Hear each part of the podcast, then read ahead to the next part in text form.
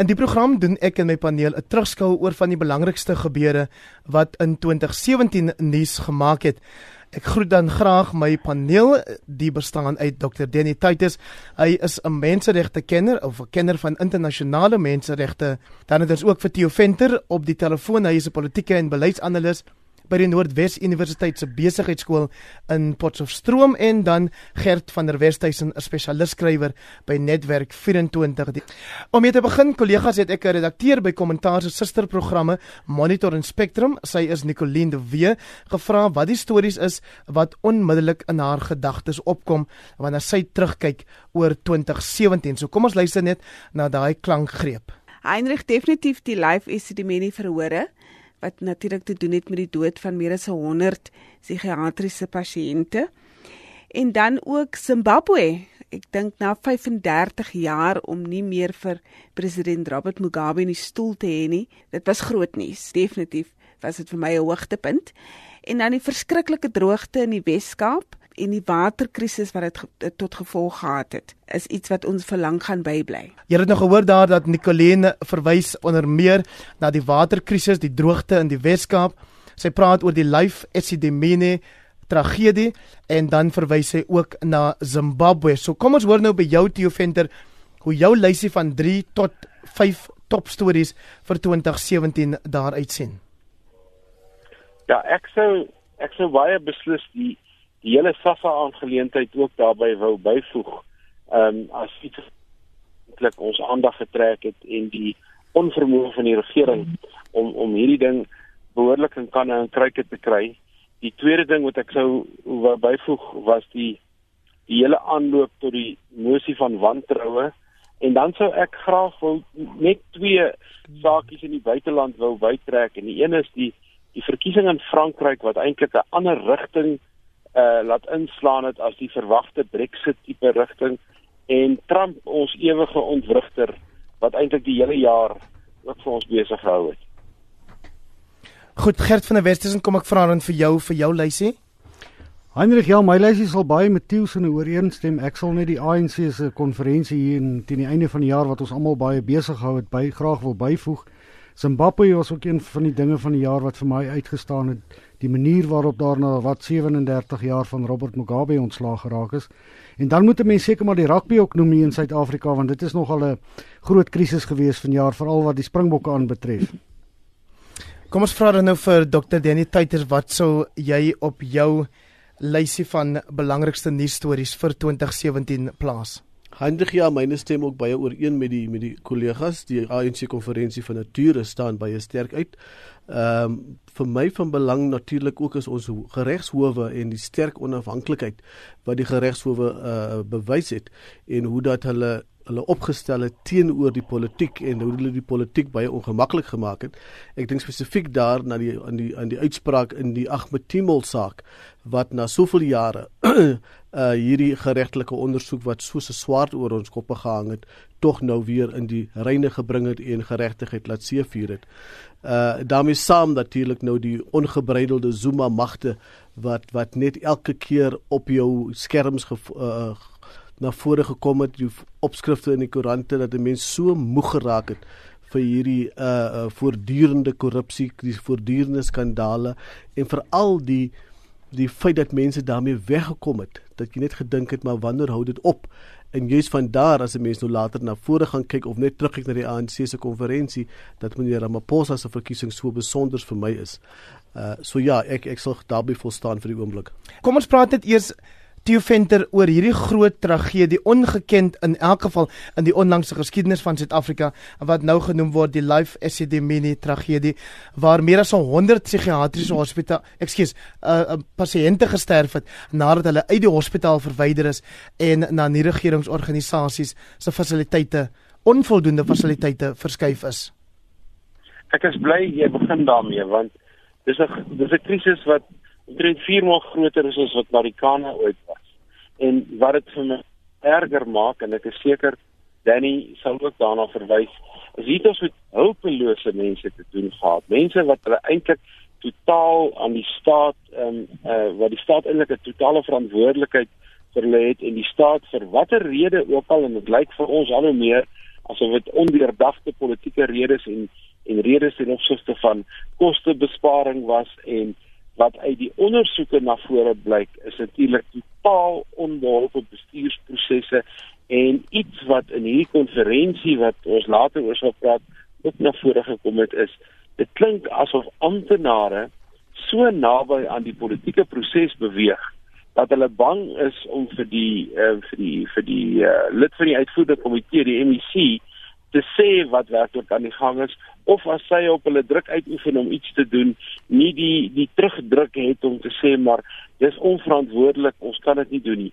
Groot krisis en ek dink hierdie ding gaan in die loop van 2018 nog 'n paar slagoffers eis. Jy sien, as dit so is dat die Cyril Ramaphosa presidentskap um, 'n um, klein bietjie groter klem gaan plaas op korrupsie en en die hantering van swak administrasie, dan word hierdie life is die menie volgende jaar een van daai faktore wat vir ons gaan sê, nou goed, hoe goed werk dit regtig? Ja, Theo, ek stem nogal saam met Theo daarso Heinrich dat dit eh, 'n baie groot klad op die regering se naam behoort te wees. Dis veel erger as Sharpeville as Marikana.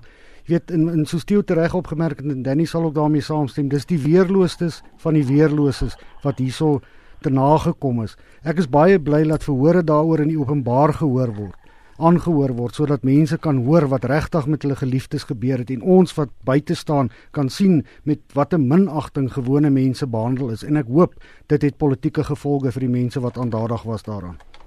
Hendrik, ja, ek wil daarmee baie sterk saamstem. Ek wil miskien 'n bietjie van 'n menseregte klankie bybring in die sin van die reg op lewe wat totaal misken is hier. Die grondwet wat heeltemal benadeel is of wat heeltemal uh, in die lug opgesmyt is. Maar daarmee saam is 'n aspek wat nog nie baie lekker na vore gekom het in die uit die verhore uit nie, uh, uh is die kwessie van marteling. Die mense is gemartel. Daar is nie twyfel daaraan nie.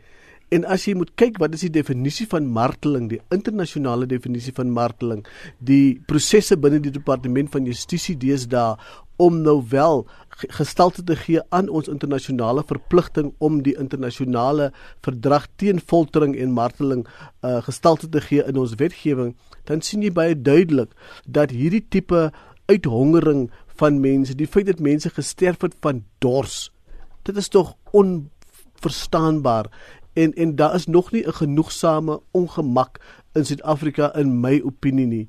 Ehm um, ons luister nou met groot genoeg na die na die bevoegde voormalige uh, adjunk uh, regterpresident van die van die grondwetlike hof uh, of voorste van die grondwetlike hof ehm uh, regter die gang Moseneki en hoe hy dit hanteer. En dan sien jy met watter arrogansie mag mee omgegaan word in hierdie land. Dat jy kon sien dat die een senior amptenaar selfs hof toe gegaan het om Moseneki te verhoed om hom te dagvaar om te kom getuig. En toe hy welkom getuig, toe sien ons hoe hy heeltemal uh, in mekaar gekrummel het vir die manier waarop hulle omgegaan het daarmee. En dis die punt. Hoe word daar met mense lewens in hierdie land omgegaan? En verder as dit, hoe word daar met die reg tot lewe omgegaan? En dan wanneer ons mekaar sê jy mag onder geen omstandighede mense martel nie, hoe gee ons effek en inhoud daaraan? Ek sal baie graag wil sien dat die dat die Mosenetjie verhoor ook sterker daaraan aandag sal gee. En ek hoor ook tot my tot my spyt hoe stil die menseregte kommissie hieroor is dat ons nie die menseregte kommissie hieroor gehoor het om spesifiek uh uh, uh te kom getuig in in in voorleggings te maak aan die verhoor om te sê hierdie twee regte spesifiek is vir ons as Suid-Afrikaners van allergrootste belang en life is the many is nie 'n tragedie nie, dit is 'n doelbewuste skending van menseregte. Maar dink jy dis daarom daarom is dit belangrik dink ek dat mense aan die pen moet ry. Soos hulle in Engels sê justice must be seen to be done, veral in hierdie geval. Jy weet dit laat mense selfs onwillekeurig dink aan wat die nasies gedoen het met mense wat liggaamlike gebreke en verstandelike gebreke gehad het, hulle hulle doelbewus doodgemaak het. Jy weet, dit dit is nou nie dieselfde nie, mense dink onwillekeurig elke keer daaraan as jy die life incident verhale hoor. Jy weet, soos Danny opgemerk het die marteling. Ek het gelees van een vrou wat so honger was dat sy plastiek geëet het. Ja. Ja. En dis is die punt Hendrik dat ons ons vergewe te maklik in hierdie land wanneer dit kom by 'n strafregstelsel wat moet inskop, wanneer dit moet kom by sanksies, by vonnisse, by uh uh uh, uh geregtelike vonnisse wat moet volg, dan lyk dit so daar moet nou 'n fase intree van kom ons vergewe tog maar. En dit moet wat my betref tot tot tot 'n einde kom. Theo Venter, jy het ook op jou lys die Sassa debakel hierdie geheen en weer oor wie dan nou uiteindelik verantwoordelik sal wees vir die uitbetaling van maatskaplike toelaas vanaf April volgende jaar nadat die maatskappy CPS so kontrak toekenning as ongrondwettig verklaar is. Ja, daar's twee goed hier wat my ehm um, uh, daartoe ge, uh, gedryf het om hierdie saakie op te sit. Die een is natuurlik soos Danny gesê het, die ingryping van die howe, die intervensie, die voorskrifte oor hoe die SASSA ding gehanteer moet word en dan die tweede ding is die arrogansie van die departement om nie die ehm um, die die voorskrifte van die howe te volg nie en dat die howe eintlik op 'n sekere manier nog verder moes ingryp en amper maandverslae van hulle aanvra en dit gaan oor 17000 Suid-Afrikaners wat se enigste inkomste daar is. As die ANC ooit moet terugkyk en sê wat het ons reg gedoen, dan was dit hierdie ehm um, maatskaplike toelaag, daar's verskillende soorte van hulle dat dit in werklikheid op dreef gekom het en uiteindelik 'n uh, uh, heeltemal 'n sinvolle deurlopende proses is. Dit is as mense nou so wil uitdruk, dis die grootste enkele salarischeck wat die regering elke maand uitskryf. Dis omtrent tussen 12 en 13 miljard rand elke maand wat die wat die toelaag is. En dan kom die krisis dat dit lyk asof die departement nie ooreen kan kom nie. Die voor die hand liggende oplossing was die poskantoor en as dit nie was vir verdere politieke intervensie en verdere um, hofsaake en en en en dwang nie, dan sou ons aan die einde van 2017 nie ten minste kon sê goed, dit lyk daarop asof hierdie proses volgende jaar op dreef gaan kom nie, maar dit was vir my 'n baie onverkwikkelike proses om te volg deur die loop van 2017 soveel menslike tragedie Gert van der Westhuizen. Wie was uiteindelik die wenner as daar 'n wenner is nou dat daar uiteindelik besluit is die poskantoor sal verantwoordelik wees vir die uitbetaling van hierdie toelaas. Dis weer die weerloses in ons samelewing, Heinrich, die arme mense, arme mense vir wie die staat moet sorg, jy weet wat afhanklik is van die staat en dit in so stew nou gesê, jy weet al hierdie politieke speletjies op die einde van die dag is gewone mense die slagoffers daarvan. Dis wat dit vir my so onverstaanbaar maak. Jy weet die mense word gesien as stemvee Maar as daar regtig na hulle belange omgesien moet word, dan word dit maar baie on, jy weet, dit word so met een hand gedoen. En as 'n mens nou kyk na die minister verantwoordelik, Matabile Dlamini, jo, sy is baie baie baie onindrukwekkend. En as daar nou weer 'n kabinetskommeling wees, moet wees, dink ek moet sy die eerste een wees wat wat waai. Denitaites kom ons beweeg aan na die kwessie van die howe, die regbank. Jy het verwys na die Ahmed Timol ondersoek. Daar is 'n veelerlei ander sake wat met die regstelsel te maak het, wat met die howe te te maak het. Ek sou nou die nasionale vervolger advokaat Shaun Abrams se naam kon noem. Ek sou die mosie van wantroue teen president Jacob Zuma kon noem en soveel meer. Wat sê dit in die breë gesien van Suid-Afrika as 'n regstaat? Dit sê vir ons vir my veral in die breë Hendrik dat dat ons het 'n regbank om op trots te wees. Ons het 'n stel regters wat in die nuwe demokrasie ingetree het wat werklik wys wat waarvan hulle gemaak is en juis op die punt waar hulle werklik getoets word want daar was sprake dat met die weiering van die regering of van Zuma om uh, regter Moseneki die die die hoofregter te maak omdat hy politieke klanke teen hulle gemaak het en dan nou daarom vir uh die huidige hoof uh, uh, regter Mogoeng Mogoeng aangestel het dat Mogoeng Mogoeng dan nou maar vir hulle na die pype sou dans wat absoluut net die teendeel bewys het. Mogoeng Mogoeng het hom so onderskei die afgelope tyd om te wys dat daar is iets anders, daar's 'n ander normstelsel, daar's 'n ander waardestelsel as politieke mag, as gedienstigheid teenoor die ANC, as gedienstigheid teenoor 'n struggle. Daar is 'n ander stel waardes, naamlik regswaardes, naamlik 'n grondwet wat ons moet respekteer. En dan om te sien hoe dit afkaskadeer na regters soos Dunstan Mulambo, regters in die Kaap, regters in KwaZulu-Natal en die hele regbank. Alhoewel daar is al sprake uh, dat daar ook korrupsie ingetree het in die regbank, ons is nog nie heeltemal daar nie, maar oor hoofs gesien is daar 'n regbank wat mense op trots kan wees. Ons is nog nie heeltemal seker van die landroste nie. Daar gebeur baie goeie werk. Uh maar daar val dinge ook so 'n bietjie deur die krake ook. Uh maar die punt is om net te wys aan die magtige ANC wat net wil dink alles moet binne in hulle politieke kader opgelos word. As daar mense buite daai kader, buite daai raamwerk staan, soos die regters en hulle sê vir hulle nee, dis dan wat hulle nou moet begin regop sit en ek dink dit gee vir ons definitief 'n pad, 'n roetekaart om na die nuwe 'n uh, uh, jaar in te gaan 2018 met 'n regterlike mag, 'n uh, 'n grondwetlike raamwerk wat ons begelei en ons stuur. Theo Venter, dink jy nie ook Danny Titer het nou daar baie naby gekom aan die Batabile Dlamini's wat sê die regter, veral regter Mlambo se uitspraak toe hy beslis het dat die aanstelling van advokaat Shaun Abrams ongeldig was en dat sy voorganger se 17 miljoen rand goue handdruk terugbetaal moet word en dat president Jacob Zuma verantwoordelik is vir sy eie regsonkoste dat die hofuitspraak geskryf sou word deur die regter en die vyande van die president tesame nie. Ja, dit is jammer dat die uh, die die politici ehm um, nie 'n wag voor hulle mond plaas oor die reg en en veral oor regters nie. Die regters verdien 'n klein bietjie meer respek dink ek ook van politici af, maar die regters dink ek het net soos 'n hele paar ander ehm um, faktore in hierdie geweldige mededingende proses op pad na die ehm um, 54ste kongres van die ANC maar in die in die pad gekom en daar's 'n hele paar mense wat baie baie dom goed gesê het. Maar ons moet onthou dat die regbank het tog ook 'n politieke kant. Die regbank is nie polities ehm um, uh, ongeskonde nie. Die verkiesing van ons regters vind vind plaas deur 'n regterlike dienskommissie en op hierdie regterlike dienskommissie dien politici. Hulle speel 'n rol. Uh, Justice Malala speel af Justice uh, Malema, Julius Malema speel 'n groot rol en jy moet hom uh, jy moet hom nie nou sommer 'n justice maak hoor.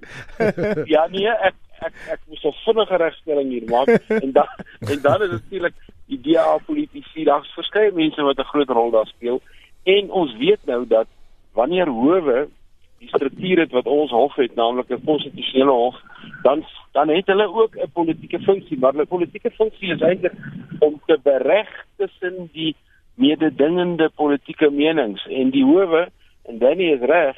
Hierdie jaar was weer 'n baie belangrike jaar waarin die howe hierdie soort uitsprake moes maak en dan noodwendig kry jy dat politici wat nie ehm um, kry wat hulle wou gehad het nie, maar so 'n bietjie hulle mond in die openbaar uitspoel. As jy pas by ons ingeskakel het, jy luister na ons ou Kersaand uitgawe van Kommentaar RSG se Sondag aand nuusbesprekingsprogram. My paneel vanaand is Dr. Danny Taitus, Theo Venter en Gert van der Westhuizen. Gert, wil jy reageer oor die kwessie van die regbank en hulle rol en natuurlik die belangrike ding dat dit al meer gebeur dat die howe sê as jy met amper onbenullighede hier by ons aankom, sal ons seker maak dat jy self uit jou eie sak uit betaal, selfs al is jy die president van die land. O, ek dink dit was 'n briljante uitspraak daar, ja, Hendrik. Ons kan nie aanhou om vir die president se hofsaake te betaal nie, want elke keer wanneer hy pak kry in die hof, ag wanneer hy pak kry in die politiek of whatever, dan gaan hy hof toe of as hy pak kry in die hof, dan gaan appeleer hy en dan moet ons daarvoor betaal. Dit is vir my wonderlik om te sien hoe onafhanklik die regbank is en wat 'n groot rol nie net die regbank speel nie, maar ook organisasies in die burgerlike samelewing. Jy weet wat wat let op hierdie goeters en na die howe toe gaan as hulle moet. Dit is net vir my ook tekenend geweest van die organisatoriese gemors binne die ANC laat al daai goed ook gereeld in die howe gedraai het soos ons gesien het voor die konferensie was daar ek dink ten minste 3 hofsaake. En laat die howe ook half 'n hand gehad het in die ANC se konferensie, jy weet. Kom ons uh, ja, dan eers. Miskien net in kort, jy weet die die die soos Theo gesê het, is daar 'n politieke kant by die by die regtelike mag, maar daar's beslis nie 'n partytetiese kant nie. Ehm um, en daar is heelwat studies al gedoen oor wanneer iemand ehm um, daai toga oor sy skouers of haar skouers gooi, wat gebeur? Dat dat jy raak iets heeltemal anders. Jy raak soos iemand het geskryf het in Amerika, dis soos 'n prostituut wat 'n maagd geword het. Ehm um, jy, jy jy jy werk met 'n nuwe stel waardes. Jy Ons hoop die kinders luister nie vanaand nie. jy luister met die beginsels van al al die alteram partem. Jy moet kyk luister na die ander saak en toe jy nou so praat van die hof hou op die besig met beselagtighede nie. Maar ek dink ons moet ons moet ook die geleentheid gee vir die vir die regspraak wat daar uit moet kom. Met ander woorde, in hoe mate gaan die regter se statuur nou ook af kaskadeer om weer die woord te gebruik na die litigasie toe met die advokate, die prokureurs, gaan hulle ook nou die kwaliteit van hulle argumente verbeter, gaan hulle ook nou in staat wees om aan die sê te sê, maar jy het nie 'n kans in hierdie saak nie, anders as om net met enige saak hof toe te gaan. So mense wil ook graag sien dat daai statuur van die regters ook sterker neergaan, neerdaal op die advokate en ons nuwe ontwikkelende advokatuur en prokureurs uh orde. Kollegas, nou julle het al drie nou al verskeie kere geraak aan die ANC se konferensie wat pas plaasgevind het by die Nasrek sentrum in Johannesburg. So kom ons praat dan nou maar oor hierdie konferensie. Denitaites, dit is die konferensie waar Jacob Zuma vervangers deur Cyril Ramaphosa wat deur baie mense natuurlik as 'n sogenaamde constitutionalist beskou word, iemand wat die grondwet eerste stel en hy is natuurlik die persoon wat die skryf van die nuwe grondwet daai proses gedryf het. Ja, ek is baie opgewonde daaroor uh Heinrich. Ehm um, dit was so hurtete. Dit was beslis nie 'n geval waar ehm um, mevrou Zuma geweldig verloor het nie. Dit was dit was maar met 'n paar honderd stemme. Ehm um, maar die feit is wat ek van tevore ook genoem het is dat die manier hoe hierdie land heeltemal ehm um, ingesonke geraak het met meneer Zuma hoe hy hierdie land heeltemal te gronde getrek het. Ehm um, was dit er so 'n vrees gewees by my dat dat mevrou Zuma daai paadjie sal verder stap en daarom uh al sê mense ook nou wat van die Piriese oorwinning al sê mense ook nou wat van die moeilikheid en die moeilikheidsgraad van die nasionale uitvoerende komitee en van die top 6 wat vir vir Ramaphosa dit baie moeilik gaan maak. Die feit dat hy die persoon is, maak vir my 'n reuse verskil. Die feit dat ons nou hier 'n onderhandelaar het, nie iemand wat op sy eie trom gaan slaan nie, maar iemand wat 'n middeweg gaan soek wat tussen partye se standpunte gaan navigeer en op dië manier die land terug gaan bring. Dit gee vir my redelike selfvertroue en vertroue. Theo Venter Ja, kyk, dit was 'n lang uitgerekte besigheid, maar uiteindelik dink ek is Suid-Afrika weer op dreef. Hy is nie heeltemal op dreef soos hy is nie. Danny het reeds daarna verwys. Ehm um, mense het ehm um, verwag dat eh uh, die ANC gaan hou by die tradisie tradisie om volgens 'n kieslysie te werk en dit is verbreek. Daar is 'n uh, as 'n heeltemal 'n vreemde ehm um, groep mense uit verskillende kante aangestel Daarvan die grootste verrassing vir my natuurlik ehm um, die Vrystaatse premier Ys Magashule is in sy hoogste pos. Maar nou het ons na alles gekyk het en ons het 'n dag of twee gehad om daaroor te besin en ons weet hoe lyk die ehm um, nasionale uitvoerende komitee dink ek tog ehm uh, die nuwe ANC president Cyril Ramaphosa het 'n paar dinge in sy guns. Hy hy hy beskik oor genoegsame meerderhede. Ehm um, hy beskik oor die wil en Danny is heeltemal reg. Hy's 'n hy's 'n strateeg. Hy's nie 'n taktikus soos wat Zuma was wat in die middernagtelike ure kabinetskommelings aankondig en hierdie soort van goed nie. Hy het 'n baie langer ehm um, siening oor sake. Hy was deel van die argitektuur van die grondwet. Hy was deel van die argitektuur van die nasionale ontwikkelingsplan en aan die einde van sy aanvaardingstoespraak het hy vir my 3 of 4 verskriklike belangrike goed gesê. Hy het vir my geklink soos 'n man wat teruggaan na die karakter van ehm um, die Freedom Charter en na die ou UDF. Hy het geklink vir my na 'n man wat sê Suid-Afrika is vir alle Suid-Afrikaners. Hy het 'n bietjie van daai van daai geslotenheid wat in die Zuma presidentskap ingekom het, het hy verwyder. En dan het hy baie duidelike positiewe tekens oor korrupsie en goeie bestuur gemaak wat ek dink waarskynlik sy presidentskap gaan kenmerk. Nou Gert van der Westhuizen, jy was soos Theo Venter en ek self sedert die Saterdagoggend toe die konferensie moes begin het daar by Nasrek en dit het toe nou eers 7 ure later begin vlamvat Ja, en toe nogal met 'n baie baie teleurstellende toespraak van Jacob Zuma. Mense het verwag hy gaan probeer om 'n bietjie gravitas aan die geleentheid te verleen. Dis sy laaste toespraak as as ANC president, maar wat 'n teleurstelling was dit nie. Hy het die idee geskep van hierdie beleerde party. Almal is die party se vyande. Vergelyk dit nou met Cyril Ramaphosa se toespraak. Hy het gesê dit is wat gaan gebeur, dit is wat ons beplan, dit is wat ons wil hê en soos Tieu te reg opgemerk het, dit is verskriklik belangrik dat hy die mense van Suid-Afrika ook ingesluit het in sy toespraak. Jy weet in die Zuma jare het ons hierdie mense wil dit amper by die naam noem, hierdie tribalism gehad van my tribe is die beste en almal kan maar na die maan vlieg, jy weet, en dit dit dit is 'n stukkie goeie nuus vir Suid-Afrika. Jy weet Suid-Afrika is desperaat op soek na goeie nuus en die verkiesing van Cyril Ramaphosa is daarom 'n stukkie goeie nuus. Hy het natuurlik nie 'n maklike pad wat vir hom voorlê nie, maar ons sal nou verder sien wat hy gaan doen in die toekoms. Die volgende belangrike geleentheid is nou nou die 8 Januarie toespraak wat eers op 13 Januarie gelewer gaan word. Laat mense sien as hy met 'n breër gemeenskap dan praat wat hy dan gaan sê.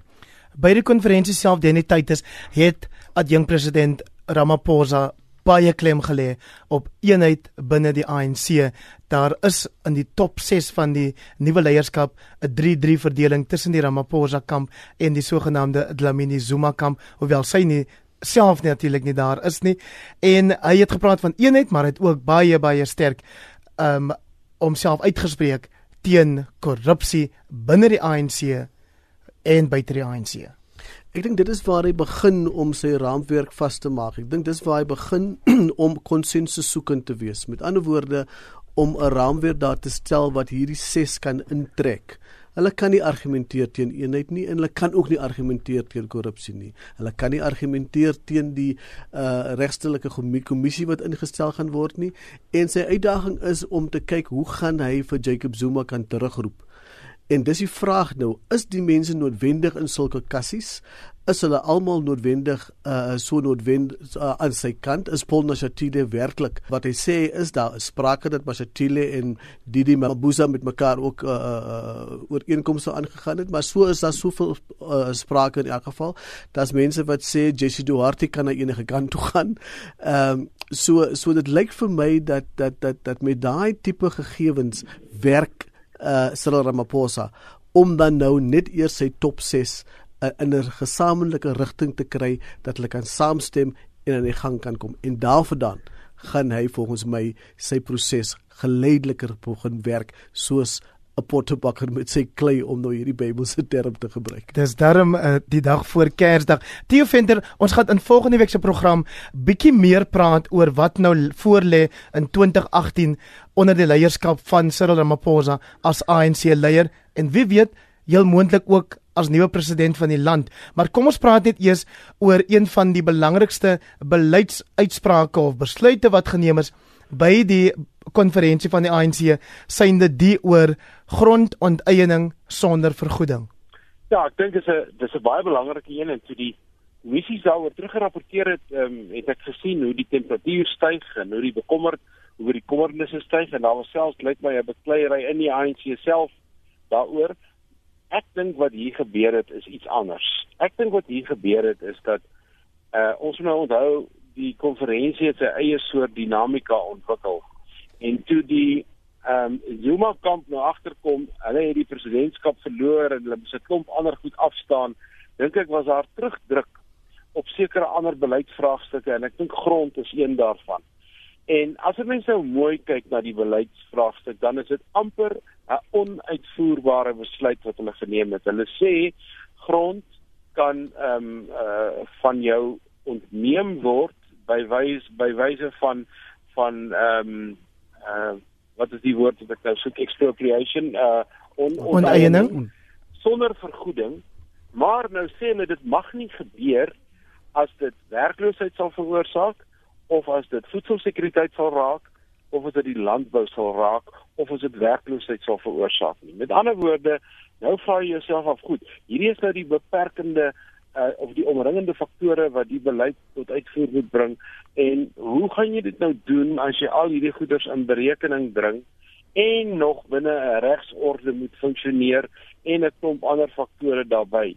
So ek dink ons het hier te doen met 'n met 'n beleidsproses binne die ANC wat eintlik 'n storie wil vertel en dan moet hulle nog uiteindelik die grondwet ver, verander en daarvoor het hulle 2/3 meerderheid nodig wat nie by verstek gaan gebeur nie as ons moet onderhandel daaroor. Ek dink hier's 'n lang paadjie voor. Nou kom ons Gert van der Westhuizen, ek weet jy of jy oor die grondkwessie spesifiek iets wil sê nie? Ja, ek dink Theo is nogal reg, jy weet, mense reageer baie vinnig op goed gewoonlik sonder om te kyk na wat werklik gesê is. Theo is natuurlik baie reg as hy sê dit gaan moeilik uitvoerbaar wees. Jy weet daar is baie grond beskikbaar. Daar is baie wat gedoen kan word om vir grondhervorming. Jy weet korrupsie met die grondhervormingsproses. As jy dit kan uitskakel, is daar baie grond wat wat na mense toe oorgedra kan word. Agri SA werk al hoe lank op hulle eie saam met mense en dit, hulle doen dit baie baie suksesvol. Jy weet eintlik het die regering misluk met die grondhervormingsproses. Nou Agri SA se uitvoerende hoof Omri van Sail het met ons op monitor gepraat die oggend na hierdie aankondiging gemaak is. Denitheid hy het baie sterk uitgevaar teen hierdie besluit. Hy het, het amper gesê en ek wil die woorde in sy mond plaas nie dat ons op 'n Zimbabwe situasie afstuur. Maar maak dit nie 'n verskil dat die die ANC nou nog die regeringsparty tog soos wat Theo nou baie mooi uitgespel het al hierdie ek wil amper sê voorwaardes aan hulle self stel nie. Nee beslis, jy weet ek dink is weer die geval van 'n komitee wat nou 'n uh, 'n uh, 'n uh, kompromis moet uh, na vore bring, dis is vir my geklink het. Ehm um, want as jy luister na Omri van Sail dan verduidelik hy ook vir ons hoe geïntegreerd die grond met die ekonomie is hoe geïntegreerd die landbou-ekonomie is, hoe die landbou-ekonomie op die oomblik die uh uh uh, uh wat sê hulle die gates vir die goue eiers lê en hoe dat die landbou-ekonomie geïntegreer is met landbou uh lenings van banke ensovoorts ensovoorts. So daar gaan nog heelwat gesprekke hieroor gevoer moet word, maar dit sê vir my ook iets anders. Dat wat ook sterk na vore gekom het en ek was nou nie by die konferensie self nie, is die populisme wat dan na vore gekom het. Die hele gedagte van nasionaliseer sommer die reservebank ook. Jy weet die hele gedagte van daar moet nou inhoud gegee word aan radikale ekonomiese transformasie ensovoorts ensovoorts. So vir my is dit ook daai populistiese kant wat die rustigheid van Cyril Ramaphosa en sy leierskap nou sal moet bestuur. Behalwe seker Theo Venter dat dieselfde Cyril Ramaphosa ook gesê het terwyl radikale ekonomiese transformasie belangrik is en 'n mens aanvaar dat hy daarmee die meer radikale, die linkse, die Kossazana Dlamini Zuma kant van die ANC probeer paai, die Ismagashule, Didi Mabuza uh, kampe, maar terselfdertyd het hy gesê niks hiervan kan gebeur as daar nie ordentlike ekonomiese groei is nie. Terseker 'n gesonde balans. Ja, ek dink dis 'n baie gesonde balans en dit is wat ek dink Cyril Ramaphosa so uniek maak en dit is waarom die die die markte en die en die geldeenheid en 'n klomp um, ander indikatore reeds 'n positiewe reaksie getoon het op sy presidentskap minstens. Kom ek wees eenvoudig. Die toe hy sy toespraak gelewer het, het hy opgestaan met selfvertroue, hy het sy iPad gevat en hy het 'n sinvolle toespraak gelewer sonder om te struikel oor sy woorde, sonder om te sukkel met konsepte. Dis daarom so anders as die 8-9 jaar se marteling wat ons elke keer moes deurstaan om te luister na 'n president wat klaar blyklik nie die omvang van sy verantwoordelikhede behoorlik besef het nie. Ons het dit nou. En ek dink dit maak al klaar 'n reuse verskil en daar wil ek met Danny se optimisme saamgaan.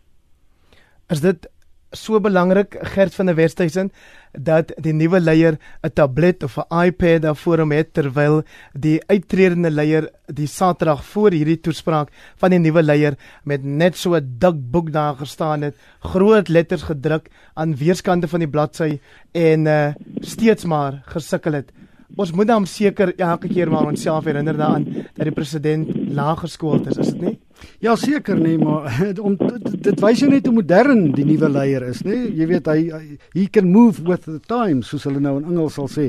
En jy weet ek het vroeër gesê, as 'n mens daai laaste toespraak van Zuma vat, dit was wat dit was amper 2 uur lank.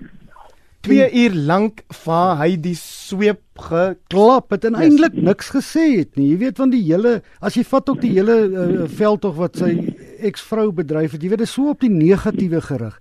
Hy praat van wit monopolie kapitaal en van armoede en van dit en van dat. Ons weet al daai goed. Ons weet daar's 'n groot gaping tussen ryk en arm en ons weet dit is verskriklik groot in Suid-Afrika, maar hulle het niks gesê hoe wat hulle gaan doen om dit op te los behalwe die politieke slagspreuk van radikale ekonomiese transformasie. Ek wil jou net sê die SAIK's oor die vingers getik omdat ons na Dr. Dlamini Zuma verwys het as die voormalige vrou van die president. So moet ons nou nie weer in die moeilikheid kry nie asseblief.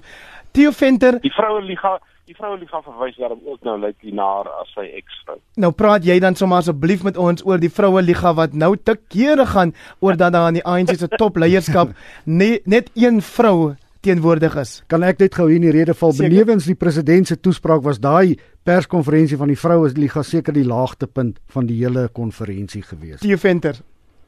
Ja, ek gaan akkoord met Gert. Kyk, dit, dit was 'n baie baie ehm um, vreemde, am, amper 'n paradoksale perskonferensie. Veral met een van die joernaliste wat vir haar gevra het, nou, maar as jy so graag vroue gehad het, jy kon mos vir Lindiwe se sien ook gestem het en die antwoord is nou nog steeds uitstaande. Ehm um, maar dis nie net die vroue wat ek dink 'n slagoffer geword het van 'n groot ehm um, noem dit 'n politieke kompromis wat aangegaan is om die huidige leierskap te kry nie, maar ek dink die die die die streek KwaZulu-Natal is vir die eerste keer sedert 1991 nie verteenwoordig in die sogenaamde top 6 nie. En ons moet nou weet die top 6 is maar populêre verwysing daarna die die die ANC grondwet praat van die amptenare van die van die party, maar dis die afwesigheid van vroue en die afwesigheid van 'n Zulu sprekende op die topbestuur. Dis buitengewoon. Dit wys jou hoe intens was hierdie gesprek en hoe intens was hierdie ehm um, amper 'n uh, ehm um, uh, uh, uh, die faksies om te kom waar ons vandag is. En die ANC gaan nog vir 'n baie lang tyd hierdie ding in sy interne omgewing moet bestuur want ek dink nie KwaZulu-Natal gaan sommer lê nie want ons weet KwaZulu-Natal het verdeeld vir die konferensie aangekom. Maar hulle is nou saamgevoeg want saam voel hulle ons is benadeel. Eenheid, eenheid, eenheid, uiters. Nee, beslis. Jy weet maar die hele kwessie van vroue en vroue uh uh trommel wat nou so geslaan word is vir my so 'n klomp liegstories. Veral as jy net dink aan die feit dat iemand soos destydse adjunkminister van onderwys Manana wat wat skuldig bevind is, wat skuldig gepleit het, uh wat soos 'n tsotsie aangegaan het in daai uh restaurant en dit die wêreld ingegaan het, dat hy op die nasionale uitvoerende komitee sit en dat die nasionale vroue liga nie 'n vinger gelig het om hom daar uit te verhou verwyder nie of enigiets positief teenoor hom uh en en en sy aksies uh, gesê het nie. So dis vir my daai daai daai daai teenstellinge, daai kontradiksies dat hulle eintlik die manne van die van die Zuma kamp na vore wou gehad het en dit nou in die naam van vroueregte. Dis belaglik. Nou my kollega Susan Paxton wat die aanbieder is van Spectrum ons middagprogram en sy is bekend daarvoor dat sy intense belangstelling het in omgewingsake. Sy het as haar topstorie van die jaar die aanlyn renosterhoring veiling uitgewys en sy het ook gesê dat die verkiesing van Cyril Ramaphosa as nuwe ANC leier in die kringe waar daar met buffels geboer of gebie word oor buffels verwelkom is. So kom ons luister vinnig na daai klankgreep. En terwyl die hoofnuus aan die einde van 2017 oorheers is deur die verkiesing van Cyril Ramaphosa as die president van die ANC, het dit ook 'n impak gehad in omgewingskringe. Sy aanstelling is verwelkom uit die oord weens sy agtergrond in die wildbedryf en daarom en verskeie rolspelers sou hy 'n belangrike rol kan speel in omgewingsbewaring. Nou kollegas, kom ons maak vinnig 'n draai in Zimbabwe. Dalk net vinnig Theo Venter, as jy kan in een sin, wat is die belangrikste ding wat gebeur het of liewer van wat gebeur het in Zimbabwe met dit dat Robert Mugabe na byna 40 jaar nie meer die president is nie? Wel, ons gaan nie handboeke moet oorskryf oor wat is 'n staatsgreep, want wat ons gesien het in Zimbabwe is iets wat mense sou kon noem 'n konstitusionele staatsgreep binne 'n regerende party. Ehm um, en dit is 'n dis 'n nuwe dis 'n nuwe omskrywing. Uh dit was nou maar 'n onkonvensionele manier om van Robert Mugabe ontslae te raak. Ehm um, wat uh ook natuurlik sy uitdringende effek in Suid-Afrika gehad het. Ek dink maar uiteindelik na hoeveel jare is Robert Mugabe ehm um, uiteindelik nou op pensioen en dit het alles gebeur vanweë as ons reg verstaan die oormatige politieke ambisie wat sy jong vrou gehad het, Grace Mugabe en wat uiteindelik tot sy einde gelei het. Miskien maar net in kort, ons is almal baie dankbaar dat Mugabe nie meer daar is nie. Ons is baie dankbaar dat daar nou rustigheid gekom het in Zimbabwe. Mense is nog nie almal 100% tevrede natuurlik nie en as Suid-Afrika het lyk dit vir my gaan ons tog baie sterker buurskap na vore bring nou. Theo Venter, jou Kerswens vir ons luisteraars? Wel, my Kerswens vir vir, vir die luisteraars is dat ons ehm um, hierdie positiewe trend waarop die land ehm um, uiteindelik ehm um, homself uh, bevind in Desember met 'n nuwe leier met die belofte van van 'n uh, hernuide ekonomiese groei en dis meer wat ons dit kan volhou in in die jaar wat kom. Danny Titus? Ons het 'n baie positiewe land. Ons het nou 'n baie nuwe sterk 'n uh, nuwe rigting wat ons ingaan en ons moet mekaar se hande vat en ons moet veral die staatspresident uh, Ramaphosa wanneer hy staatspresident gaan word sê hande baie sterk vat. Gert van der Westhuizen. Ek wil hê die luisteraars moet ook hierdie positiewe gees na die nuwe jaar toe vat en ons moet almal hande vat en saamwerk soos Danny sê vir 'n beter toekoms vir ons almal.